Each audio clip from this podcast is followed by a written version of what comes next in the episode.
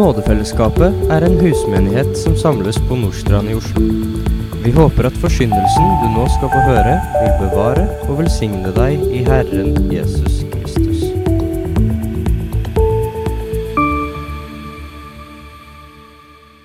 Vi skal i dag få lov til å fortsette vår vandring i Matteusevangeliet, sånn som vi har holdt på med nå i et års tid. Og når vi vandrer slik med Jesus, så gjør vi det for å prøve å observere han, høre på hva han sier, se på det han gjør. Og så håper jeg at vi skal få lov til nå å både høre og se, og se den rikdommen som vi får lov til å eie i han. Vi legger dette i Jesu hender. Kjære Herre, vi vil takke deg for ditt ord til oss. og Vi ber deg nå om at du må få lov til å komme og åpenbare det for oss slik bare du kan, slik at vi som har ører og har øyne, kunne få lov til å høre og få lov til å se. Amen. På vei ned ifra altså bergprekenen, da, når Jesus vandrer ned der fra dette berget, så eh, ser vi at han møtte en spedalsk mann som han helbreda. Og det var en sykdom som da vitna om syndens gjennomgripende og dødelige effekt på mennesker, som vi så mye på. Og det er en helbredelse som på en måte er like gjennomgripende, og som et tegn på Jesu evne til å fullstendig frelse ifra syndens makt. Og På veien inn i Kapernaum så kom det en hedning som utviste større tro enn jødene. En som kan være et vitne om at det har vært hedningene som ville omfavne Jesu frelse først. På mange måter. Han var på en måte et frampek der. Og denne hedningen han utviste en ydmykhet som er til etterfølgelse for alle som hører om han. Og dette til tross for at han selv altså hadde stor makt fordi han var sjef for 100 soldater. Og han var godt vant med at det han sa, det ble utført sånn som han sa det. Og denne hedningen han ba om hjelp på vegne av en slave, en liten gutt som var døden nær. Og så Omsider så kom Jesus da til Peters sitt hus i Kapernaum. Og Da leser vi fra dagens tekst i Matteus 8, fra vers 14. Da Jesus kom inn i Peters hus, så han at hans svigermor lå til sengs og hadde feber. Han rørte ved hennes hånd. Da forlot feberen henne, og hun sto opp og tjente ham.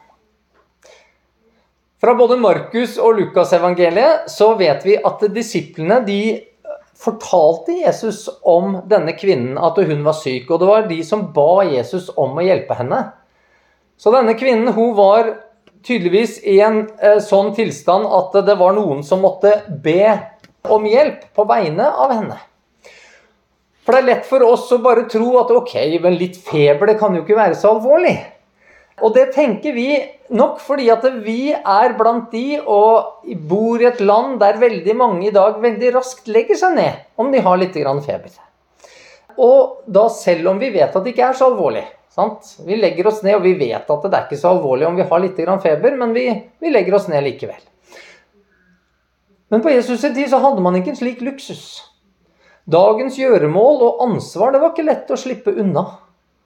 Eh, man hadde jo ikke noen andre som bare kunne komme inn og være vikar. Sånn som vi kanskje kan være vant til i en del arbeidssituasjoner i dag. Så man hadde enkelt og greit ikke noen mulighet til å ta seg fri på den måten. Man hadde heller ikke noe overskudd å ta av. Vi hadde ikke noe sykekasse. Vi hadde ikke en, en, en forening som hadde samla opp penger i, i årevis som kunne betale ut hvis man ble syk heller. Så det var nok heller regelen enn unntaket at man jobba hele dagen, selv om man hadde feber. Og fra egen erfaring så vet jeg at det er fullt mulig. Jeg er av de som noen sikkert vil si er dumme nok, da, men jeg er av de som gjerne går på jobb selv om jeg har feber. Jeg går vel strengt tatt alltid på jobb selv om jeg har feber, og jeg har hatt både 38 og 39 oppimot 40 grader, og det har gått helt fint. Det er selvsagt slitsomt, og det er forholdsvis ubehagelig, men det går altså fint. Og de veldig få gangene feberen har gått over 40 grader, da har jeg blitt værende i senga. Men da har jeg forsøkt å gjøre det jeg kan derfra. Men Peters sin svigermor hadde ikke på en måte den luksusen som jeg har, at jeg kan sitte og fjernstyre ting fra senga. Sånn at når hun da hadde lagt seg ned, så var det av en grunn. For det ubehaget og den smerten som disse menneskene faktisk var nødt til å utholde, den var stor. Og det er ikke noe vi trenger å gå og glorifisere på noe som helst måte. At eh, vi kan makte å gå på jobb selv om vi er litt sjuke. Vi kan heller være takknemlige for at vi slipper å slite oss ut på den måten. For det var det de gjorde. De sleit seg ut. De ødela kroppene sine ved det. Og Samtidig så må jeg innrømme at eh, disse tingene får meg litt til å tenke på det norske sykefraværet. Fordi det er et fravær som skjer på andres bekostning, og det er høyest i verden. På tross av at vi bruker nesten mest penger av alle i verden på helse. Og da kan det synes for meg som at deler av dette fraværet kanskje heller er et fravær av ansvar og et fravær av gode holdninger enn det er noe annet, og derfor på mange måter et sykdomstegn i seg selv. Og kanskje noe som trenger å kureres i vår kultur. Poenget er i hvert fall at når Peter sin svigermor lå til seng, så betyr det helt sikkert at hennes tilstand den var alvorlig. Hun var altså meget syk. Og den var kanskje livstruende, denne feberen som hun opplevde å ha. Så står det at Jesus rørte ved hennes hånd. Han, han viste praktisk omsorg. Og han trengte jo ikke ha rørt henne. Han, han, kunne bare ha sagt et ord, eller han hadde ikke trengt å si noe engang, sånn som vi så med denne slavegutten. For denne slavegutten han opplevde at uh, han ble frisk uten at Jesus sa noe som helst. Men her så brukte Jesus fysisk kontakt. Ikke fordi han måtte det, men fordi han så at i denne situasjonen så var det viktig og riktig. Og så ga han det til en kvinne. Og det var heller ikke vanlig.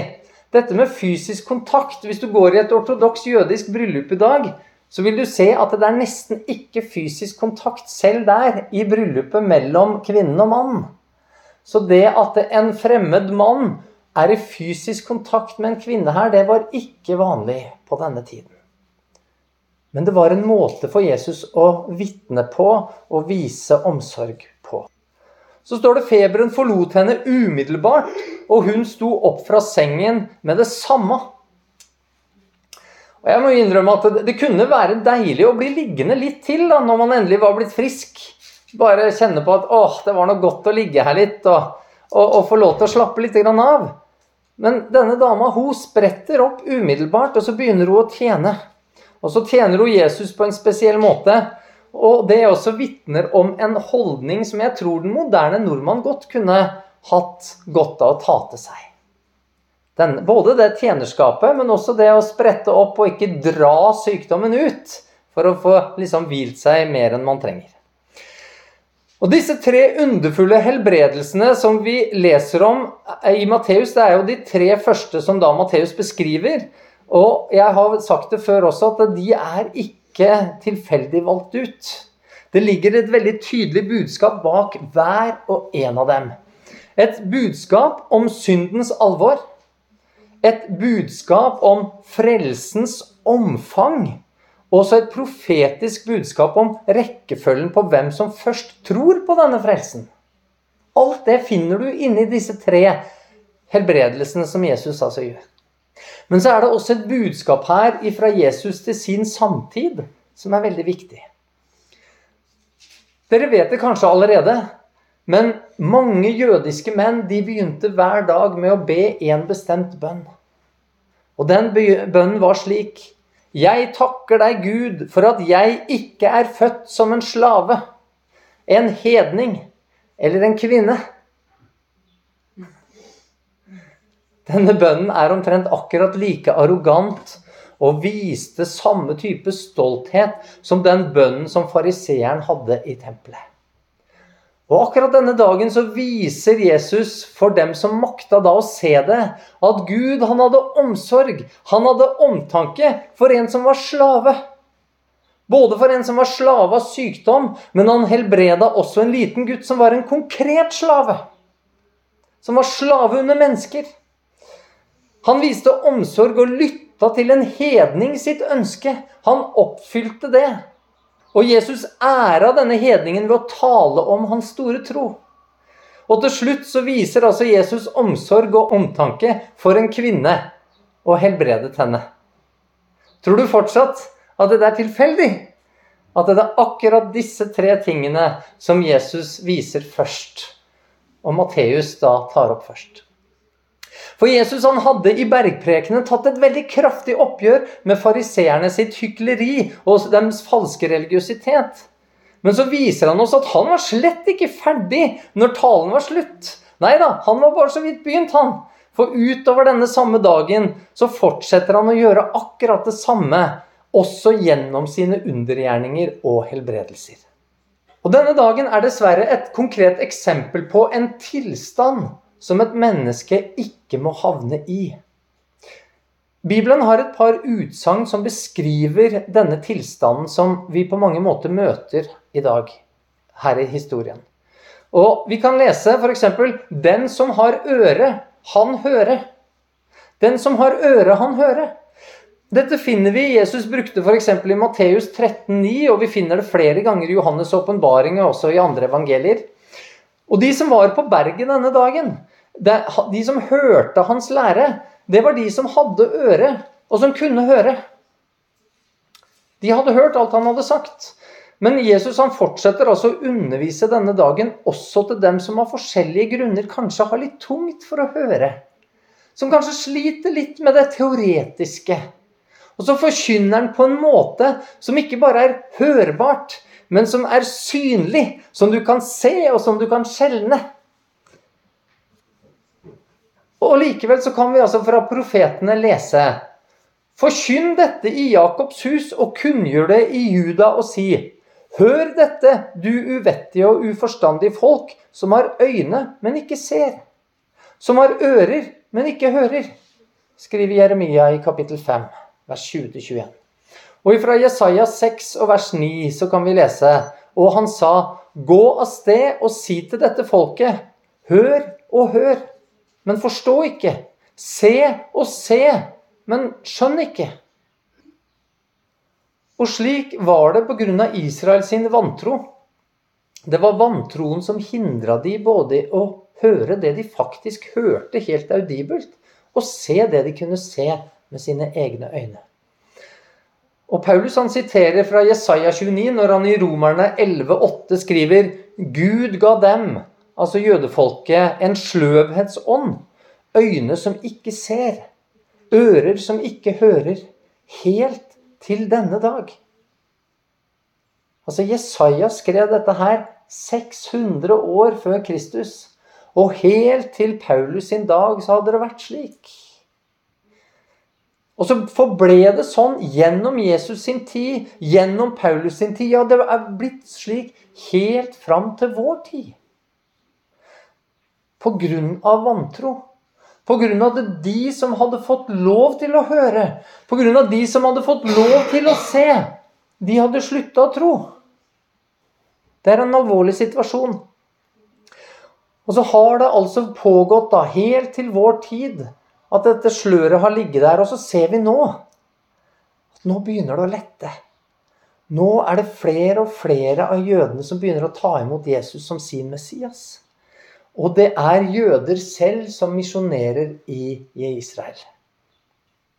Så sa Jesus akkurat det til sine disipler. For han sa det i Matteus 10.: Dere skal ikke bli ferdig med byene i Israel før menneskesønnen kommer. Så dette har vært profetert om på mange måter. Så Jesu undervisning, poenget er altså at den slutta ikke når talen slutta. Men selv disiplene de slet med å forstå. For i Markus 8, 17-18 18 så må han irettesette dem, og så sier han Forstår dere, eller skjønner dere ennå ingenting? Har dere slike harde hjerter? Har dere øyne og ser ikke? Har dere ører og hører ikke? Minnes dere ikke? Jesus har undervist gjennom tale og gjennom gjerning. Og begge deler ber han disiplene om å huske minnes dere ikke. Og det er gjennom både å høre og se det Jesus gjorde, og skjønne hvordan det er tatt vare på i Bibelen, at vi forstår hans guddommelighet og veldige makt. Og gjennom å se det vi nå har sett på, så kan vi forstå at det er Den hellige ånd som er forfatter også av Matteusevangeliet. For det er så tydelig, det som blir forkynt. Rekkefølgen, alle ordene. Det er bevart på en fantastisk måte. Bibelen det er en guddommelig bok. Og som vi så på forrige søndag, så ble Den hellige ånd den ble gitt for å minne disiplene på hva Jesus hadde sagt og gjort. Og Det er derfor vi bruker tid her i nådefellesskapet, mye tid på å gå i Jesu fotspor, vers for vers, for å mulig kunne vise Jesus som herre for mennesker i dag.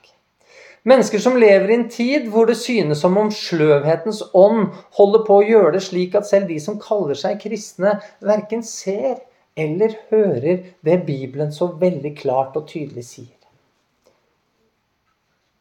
Men vi fortsetter i Matteus 8, vers 16. Da det var blitt kveld, brakte de til ham mange som var besatt av onde ånder, og han drev åndene ut med ett ord, og alle som var syke, helbredet han.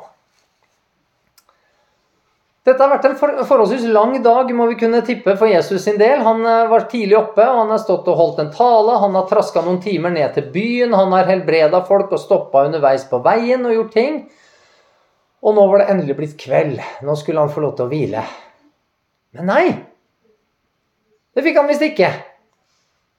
Og spørsmålet er hvorfor i alle dager kommer det plutselig veldig mange til Jesus når det var blitt kveld? Jeg mener, de har jo hatt hele dagen på seg.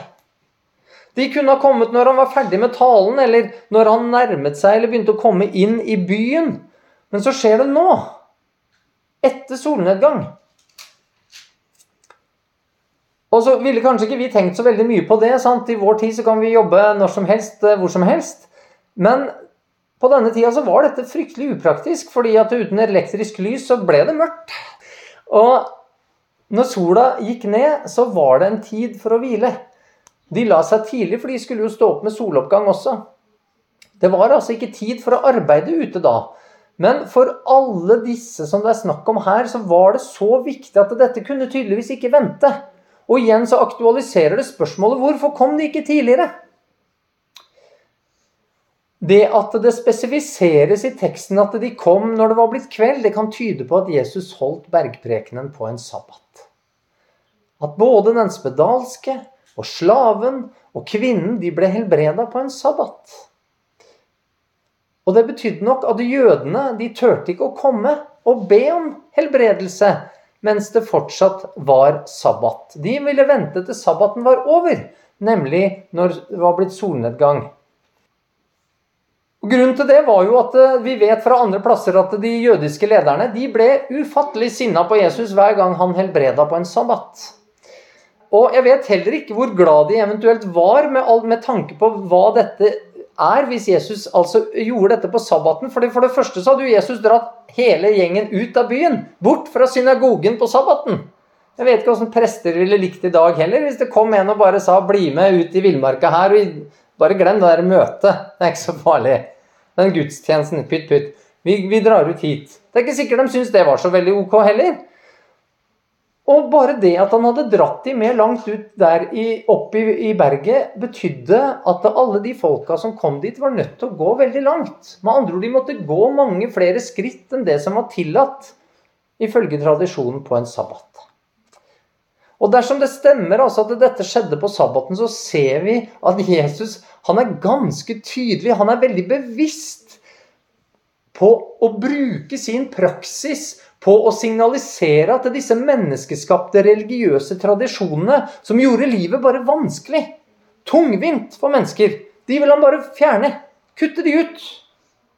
Jesus er ikke kommet hit for å gjøre livet ditt vanskelig.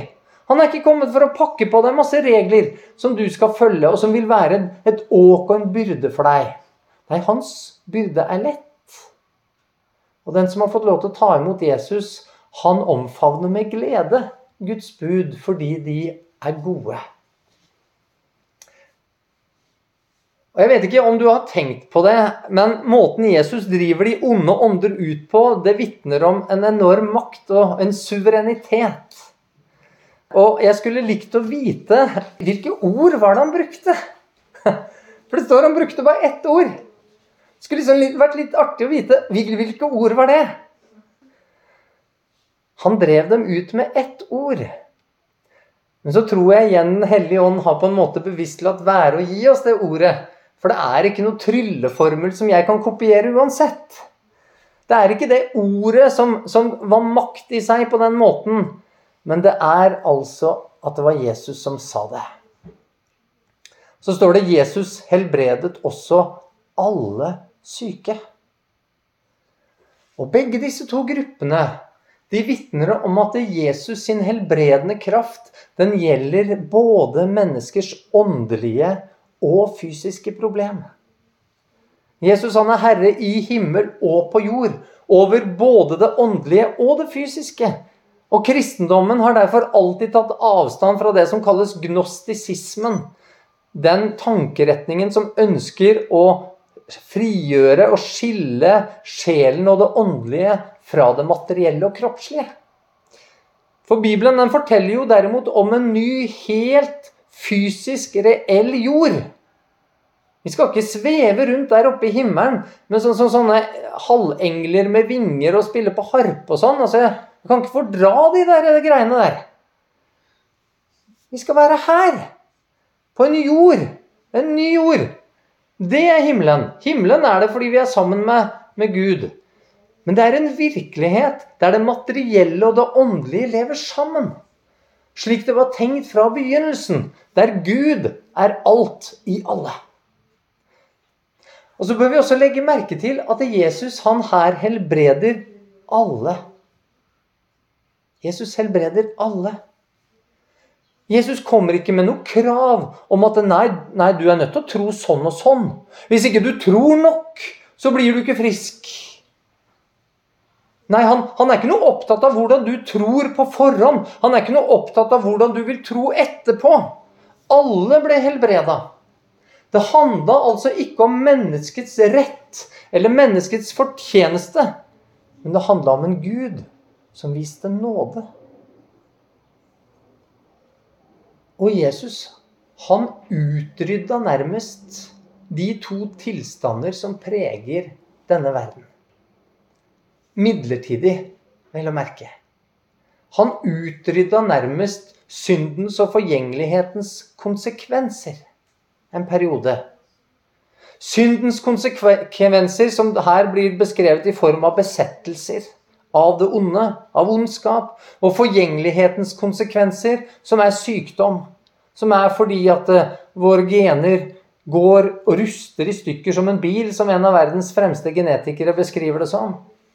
At vi stadig ser en forgjengelighet som ødelegger oss på et grunnleggende måte. Og så oppheva Jesus nærmest midlertidig disse to konsekvensene. Og dette viser at disse to konsekvenser ikke var en del av hans skapte orden i utgangspunktet. Og dette poenget er viktig. Fordi så mange kristne mennesker vil hevde at den forgjengeligheten vi ser i verden, alltid har eksistert. Og at sykdom slik som kreft eksisterte før syndefallet. Men Jesus han viste derimot gjennom dette hvordan det en dag vil bli når han skal gjenopprette eden denne hagen, der det var godt. Ja, det var særdeles godt.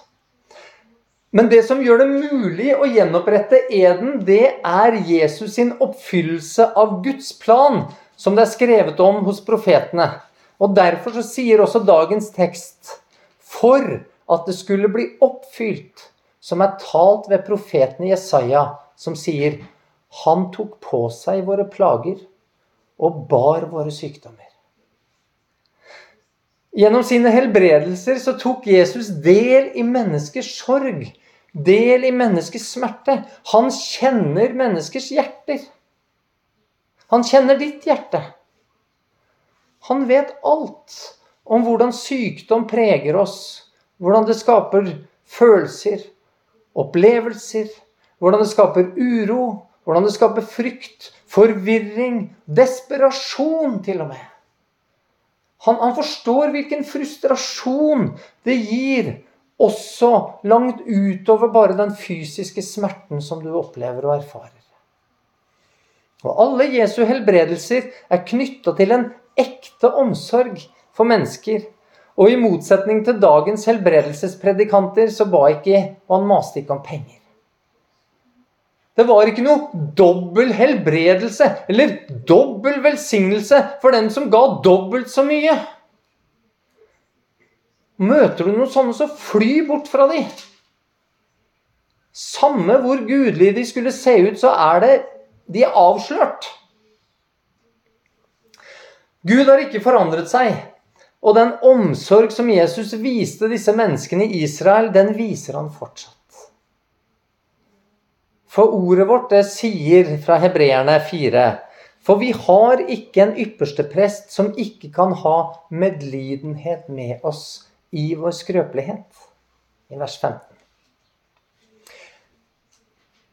Jesus tok ikke sykdommene på seg ved selv å begynne å lide av samme sykdommen som han, helbreda. Jesus han kjente hjertene til alle som han helbredet. Han så dypere enn de kunne se til og med selv på all den fysiske og psykiske smerte som den sykdommen brakte med seg. Den besettelsen brakte med seg. Og Derfor så kjente Jesus på en slik medlidenhet med dem, og også med deg, som skulle streve med slikt i dag. Og Jesus han så videre og dypere enn bare det fysiske og psykiske og den smerten som det var, for Jesus han så den store sammenhengen. Han så smertenes utgangspunkt. Han forsto nemlig fullkomment sammenhengen mellom våre sykdommer og plager. Jesus han visste at det hang helt sammen med vårt grunnleggende problem med synd. Noen har kanskje lurt på hvorfor gråt Jesus ved Lasarus sin grav.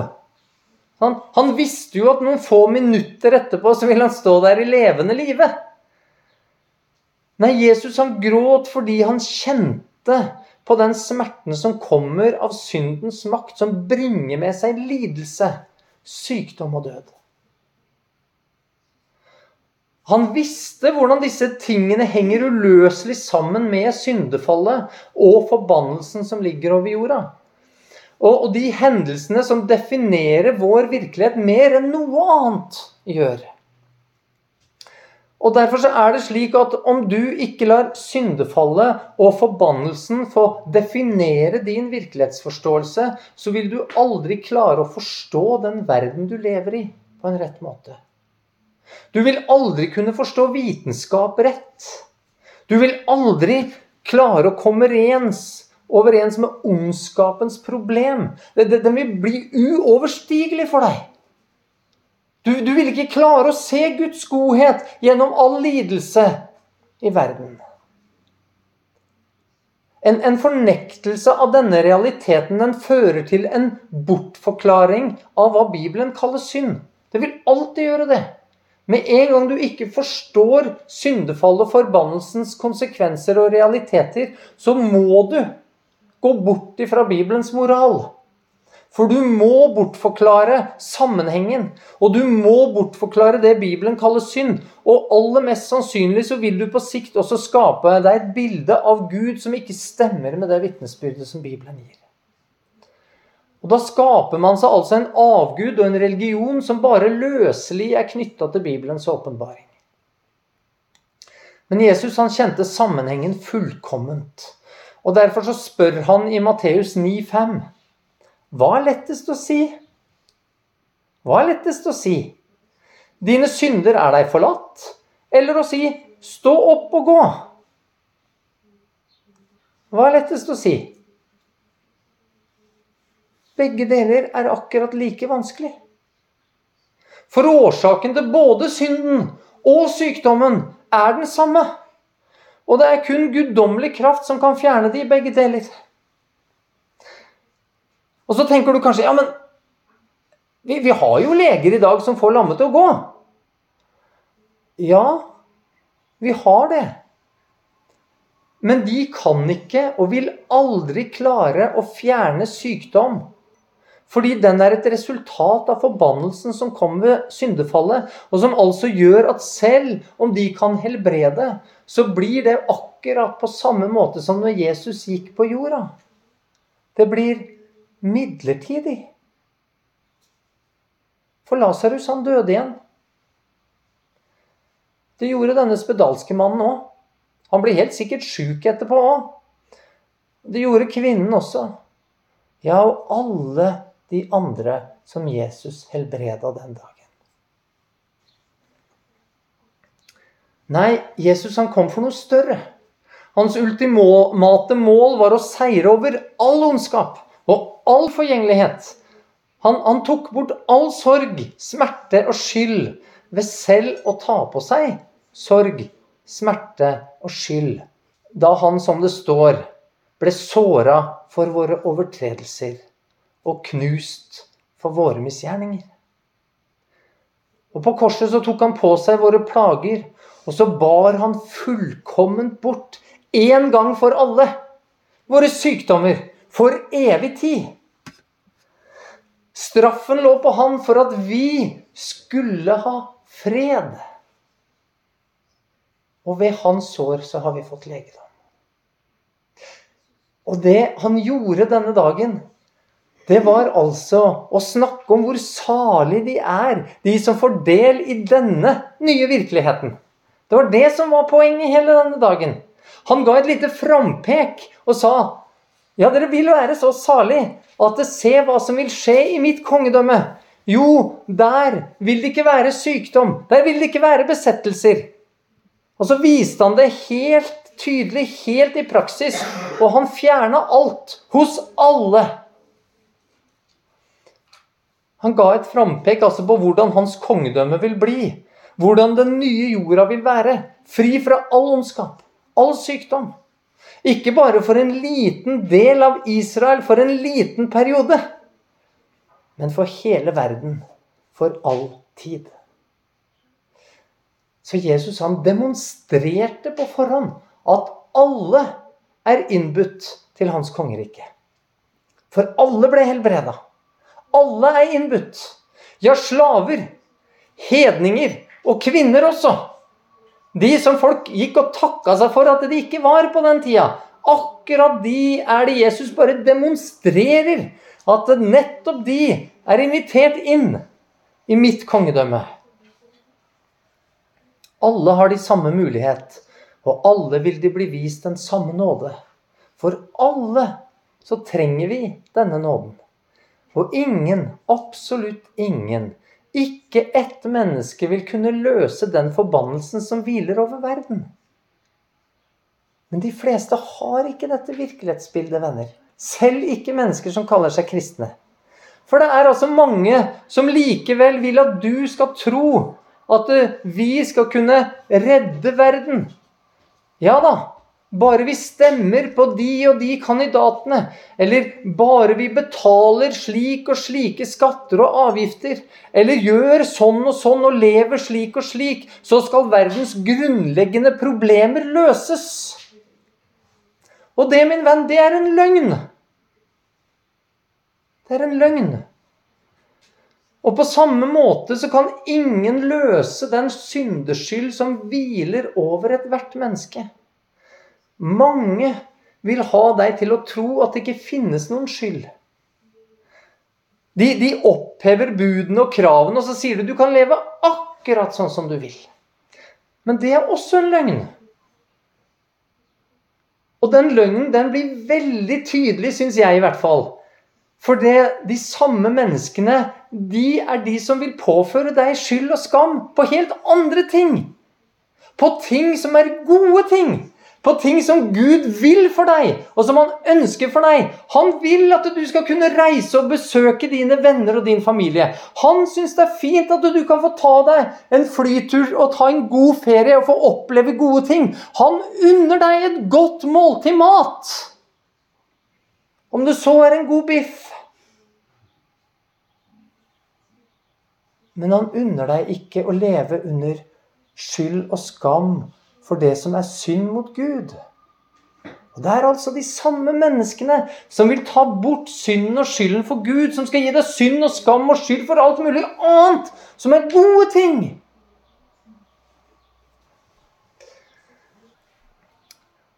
Så det er altså ingen som kan løse Intet menneske som kan løse den syndeskyld som hviler over ethvert menneske.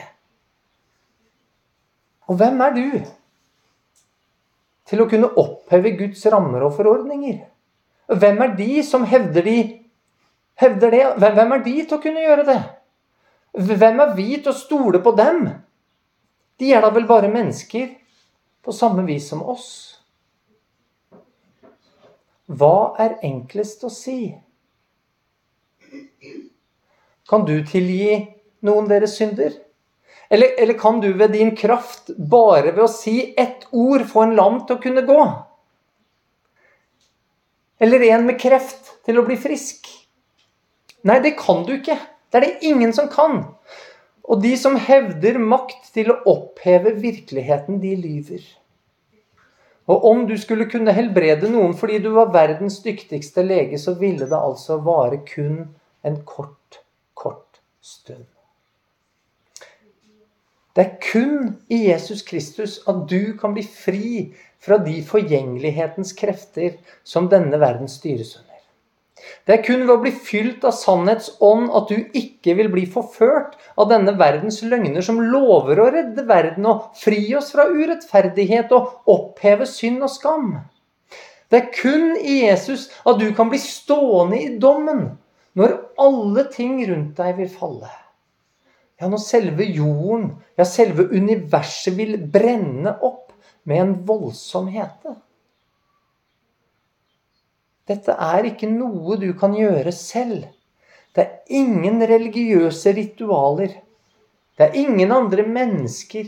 Det fins ikke noe Maria, det fins ikke noe statuer, det fins ikke noe kirke, det fins ikke noe bygninger. Det fins ikke noe menneskelig religiøs struktur eller byggverk. Det er noe du må bli gitt. Du er nødt til å lære av den spedalske. Du må lære av hedningen, og du er nødt til å lære av disse som ba for denne kvinnen i dag. Du må lære av alle dem som kom til Jesus denne dagen. For vi har én ting å lære av dem.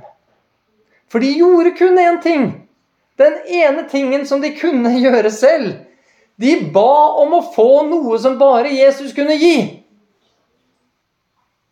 De ba om noe som bare Jesus kunne gi. La ikke din stolthet stoppe deg fra å be om hjelp. La ikke ditt hjertes begjær stoppe deg heller. La ikke det som, det som du har lyst til, som du vet ikke er rett, få lov til å stoppe deg fra å komme til Han. Omvend deg fra løgnen og det onde som kontrollerer deg, og be Han få lov til å komme inn og lege ditt hjerte. La han få lov til å frigjøre deg fra den sykdom og den forgjengelighet som herjer også på din innside. Inn i ditt hjerte.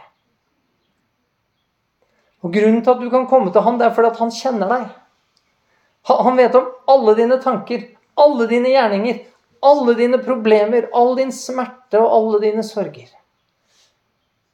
Alle dine fall Alt det gale du har gjort, all ditt svik og alle dine løgner. Han vet om det alt sammen. Ja, han visste om det. Også før han frivillig ga sitt liv for deg. Og lot seg nedverdige og piske og dø for din skyld. Han visste det før det. Han blir ikke overraska over det du har gjort. Han vil ikke bli overraska over det du kommer til å gjøre i framtida heller. Og Derfor så må aldri det få lov til å stoppe deg fra på nytt og på nytt å vende tilbake igjen til Han og be Han om å gi deg det som bare Han kan gi. Og han var villig til det selv om du i årevis har nekta for at han en gang eksisterer.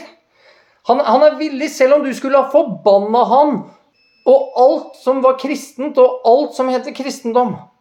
Og Likevel så elsker han deg, og han spør deg ikke ja, har du stor nok tro til å komme til meg? Nei, han helbreda alle som kom. Helt uavhengig av tro. Og om du kommer, så vil han gi deg den troen du nå føler at du mangler.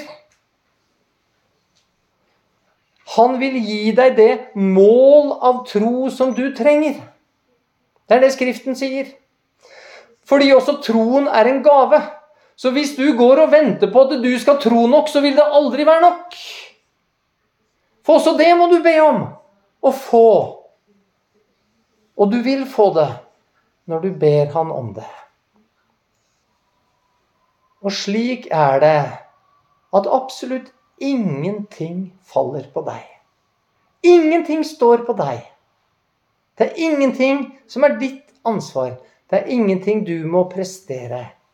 Han har gjort det alt sammen. Alt sammen. For av nåde er dere frelst ved tro. Og dette er ikke av dere selv. Det er Guds gave. Det er ikke av gjerninger for at ikke noen skal rose seg. Den som har øre, måtte han høre. Måtte den som har øye, la han få se. Og har du en munn, så smak og kjenn at Herren, han er god. Kjære Herre, jeg vil takke deg for ordet ditt. Jeg vil takke deg for at du både gjennom tale og ord, gjerning, at du vitner så sterkt og så klart om at alle er innbytt til din frelse. At vi ikke kan gjøre noe, verken fra eller til, vi kan verken tilgi synd, og vi kan ikke oppheve de naturlover som ligger der og styrer vår virkelighet. Som også skaper lammelser og blindhet og kreft og det som er. Men Herre Jesus, du har gjort det alt sammen. Og en dag så skal du ta bort alt det som vi nå opplever som ondskap og lidelse, sorg og smerte. Ja, vi kan stole på det fordi du allerede gjorde det når du sona for alt på korset. Seieren er din, og den seieren får lov til å tilhøre hver den som kommer til deg og ber. Og du har sagt, den som ber, skal få. Amen.